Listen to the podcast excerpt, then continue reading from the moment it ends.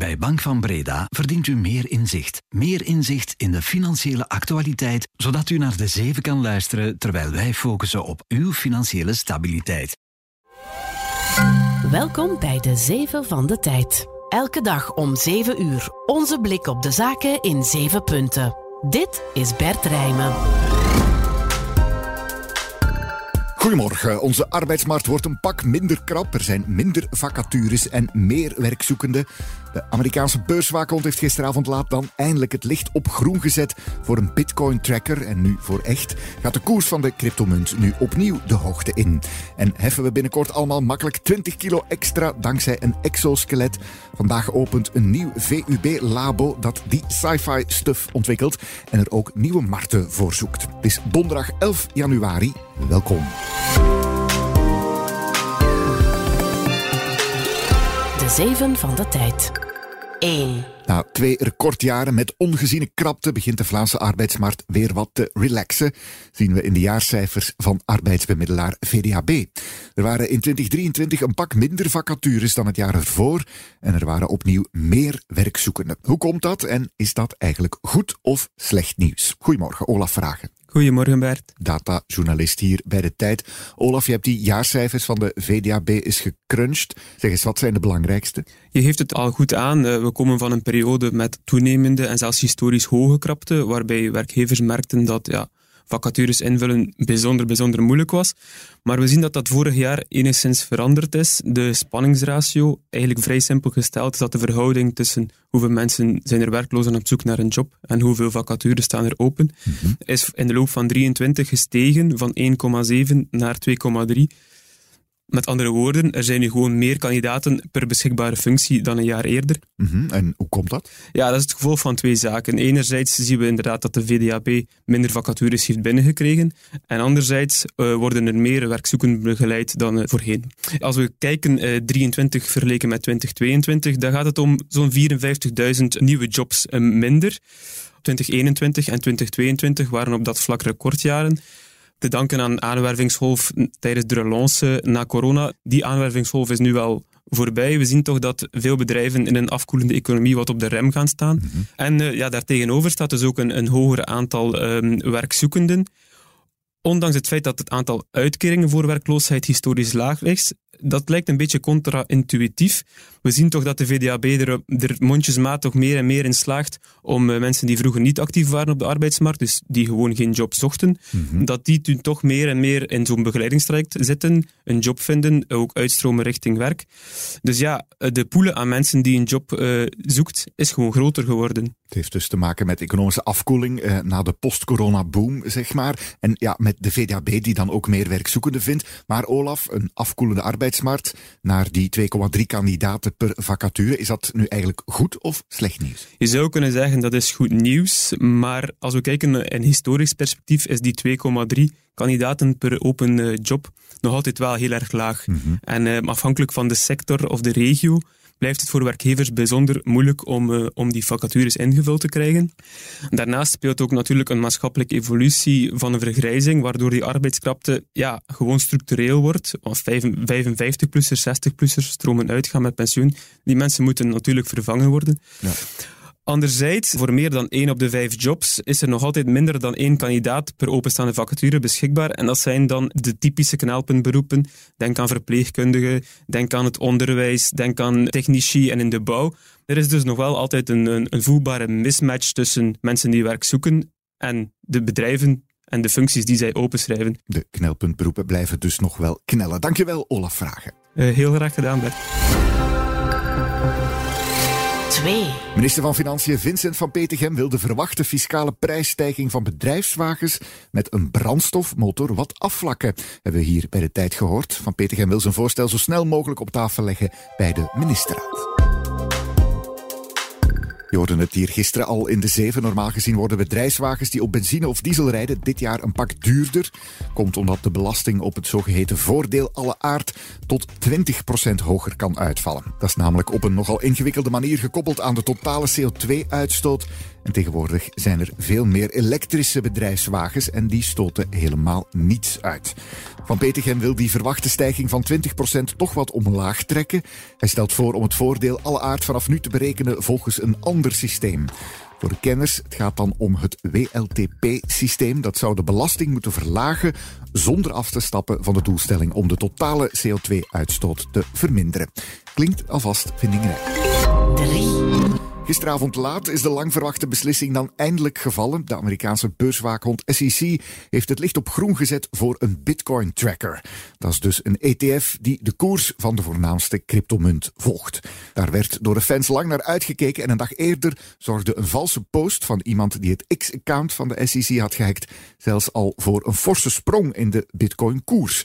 Vrij gênant wel voor de beurswaakhond. Waarom is die Amerikaanse Bitcoin tracker zo gehyped en moet je die dan nu maar best meteen gaan kopen. Goedemorgen, Evert Neriks. Goedemorgen, Bert. Redacteur beleggen hier bij de tijd. Waarom was er zoveel te doen rond die goedkeuring van die Amerikaanse Bitcoin-tracker? Wel, eh, beleggers waren al heel lang aan het wachten op een goedkeuring. Mhm. Nu, de SEC heeft ook heel lang vrij sceptisch gestaan tegenover uh, die Bitcoin-trackers. Ja, omdat de Bitcoin-markten nog altijd zeer speculatief zijn en ook vrij ondoorzichtig. En daarom heeft de eh, SEC, dus de Amerikaanse beurswaakhond, zich altijd op, op de vlakte gehouden voor het goedkeuren van die trackers.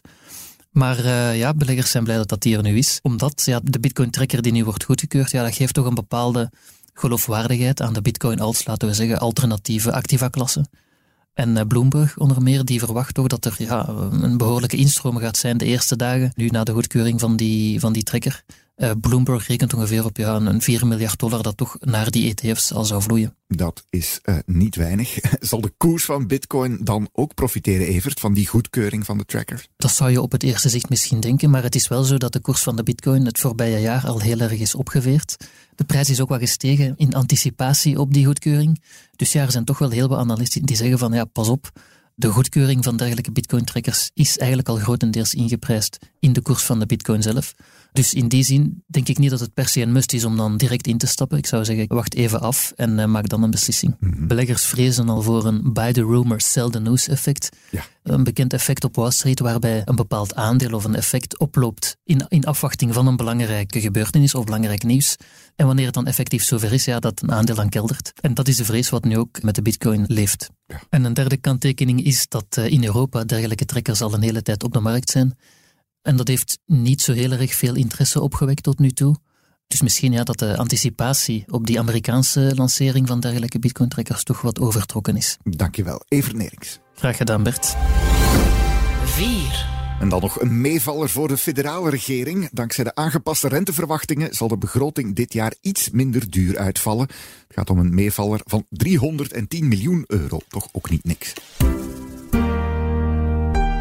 Voorbije maanden is de marktrente stevig gedaald. Dat wil zeggen dat ons land dus ook minder zal moeten betalen voor zijn schulden. Rente op die schulden zal wel sowieso stijgen. In de begroting van oktober wordt een stijging met 1,61 miljard voorzien.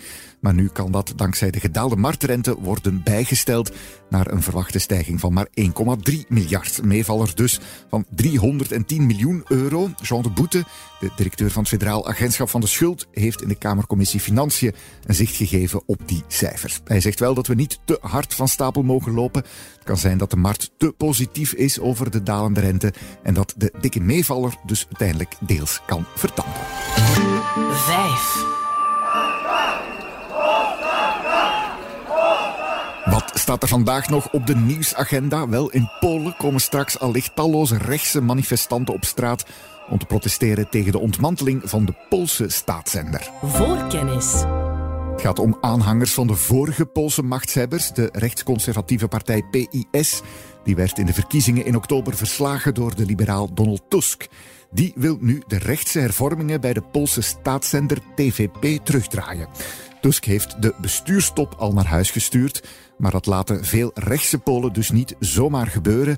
Protest komt er vlak na een incident waarbij de politie twee voormalige ministers moest arresteren in het paleis van zittend president Duda van de PIS, omdat ze zich daar schuilhielden. Ze zijn veroordeeld voor machtsmisbruik. Het is duidelijk, de machtsoverdracht daar in Polen verloopt niet zonder slag of stoot.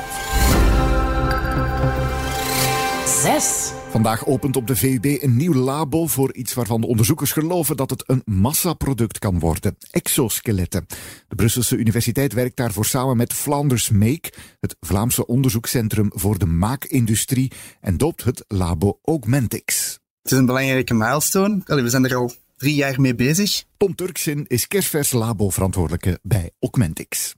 Nu moeten we op, uh, op een andere manier gaan werken en zien dat we ook economisch en financieel eigenlijk kunnen blijven groeien. Het is wel de bedoeling dat we vanaf nu eigenlijk meer uh, professionaliseren en services aanbieden aan bedrijven. En ik denk wel dat we daar klaar voor zijn. En die services aan bedrijven, dat zijn dus exoskeletten. Als je de film Aliens hebt gezien, dan weet je waarover ik het heb. Zo niet, stel je een skeletachtig pak voor dat je aan je lichaam bevestigt en dat vervolgens je armen, benen, rug en schouders extra kracht en ondersteuning geeft. Makkelijker 20 kilogram opheffen of langer in een moeilijke houding blijven staan, dat kunnen heel wat professionals wel gebruiken. Het is heel, heel breed toepasbaar. Dat gaat van, van metsers tot dokters die uh, ja, de hele dag voorover zitten boven hun patiënten, en chirurgen. Veel mensen daar vallen uit omwille van rugklachten. En we merken eigenlijk dat in de industrie of, of in alle takken van de bevolking, merken we wel dat mensen eigenlijk het belangrijkste ding zijn om de zaken vooruit te laten gaan. En er is toch wel een tendens aan de gang dat werknemers en bedrijven zich realiseren hoe belangrijk dat die mens is. En je mocht die niet laten uitvallen. En alle tools dat je hen kunt aanreiken om hun werk beter te maken, zijn tools dat je moet aanreiken. Er is dus een grote markt voor. Die wordt volgens Turksin zelfs nog groter. De prijzen gaan naar beneden. Toepasbaarheid is heel groot. En de capaciteiten van de exoskeletons gaan ook sneller boven. Ik denk dat we binnen tien jaar dat dat iets heel courant gaat zijn. Dat de dat er heel veel mensen ziet met exoskeletten. Niet de Robocop-skeletten, dat nee. Oef. Flanders Make investeert een miljoen euro in Augmentix. Naast de ontwikkeling van exoskeletten bevat het nieuwe lab ook tal van precisie-instrumenten die meten hoe belastend bepaalde inspanningen zijn. Zeg maar hoeveel spieren ik exact kan scheuren als ik die boodschappentassen weer verkeerd ophef. 7.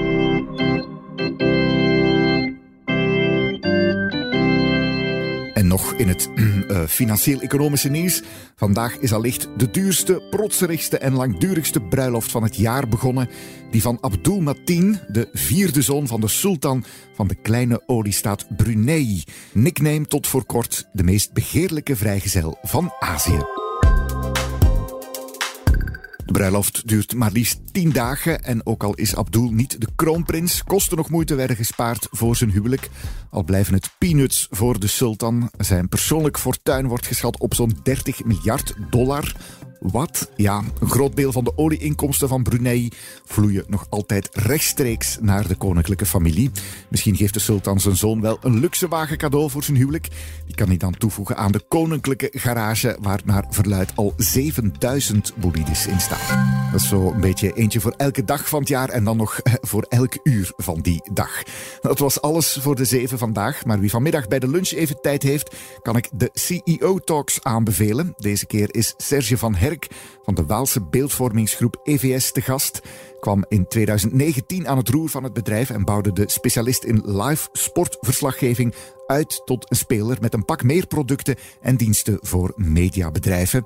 Omzet groeide met bijna 70% maar Van Herk wil dat de volgende jaren nog eens verdubbelen. Dat kan je hem zelf vragen straks om 12 uur in de CEO Talks. Je kan je vragen trouwens nu al doorgeven via tijd.be. Fijne dag voor iedereen en tot morgen. Dit was De Zeven met Bert Rijmen. Productie door Roan van Eyck van op de redactie van De Tijd. Bedankt om te luisteren. Morgen zijn we er weer. Tot dan.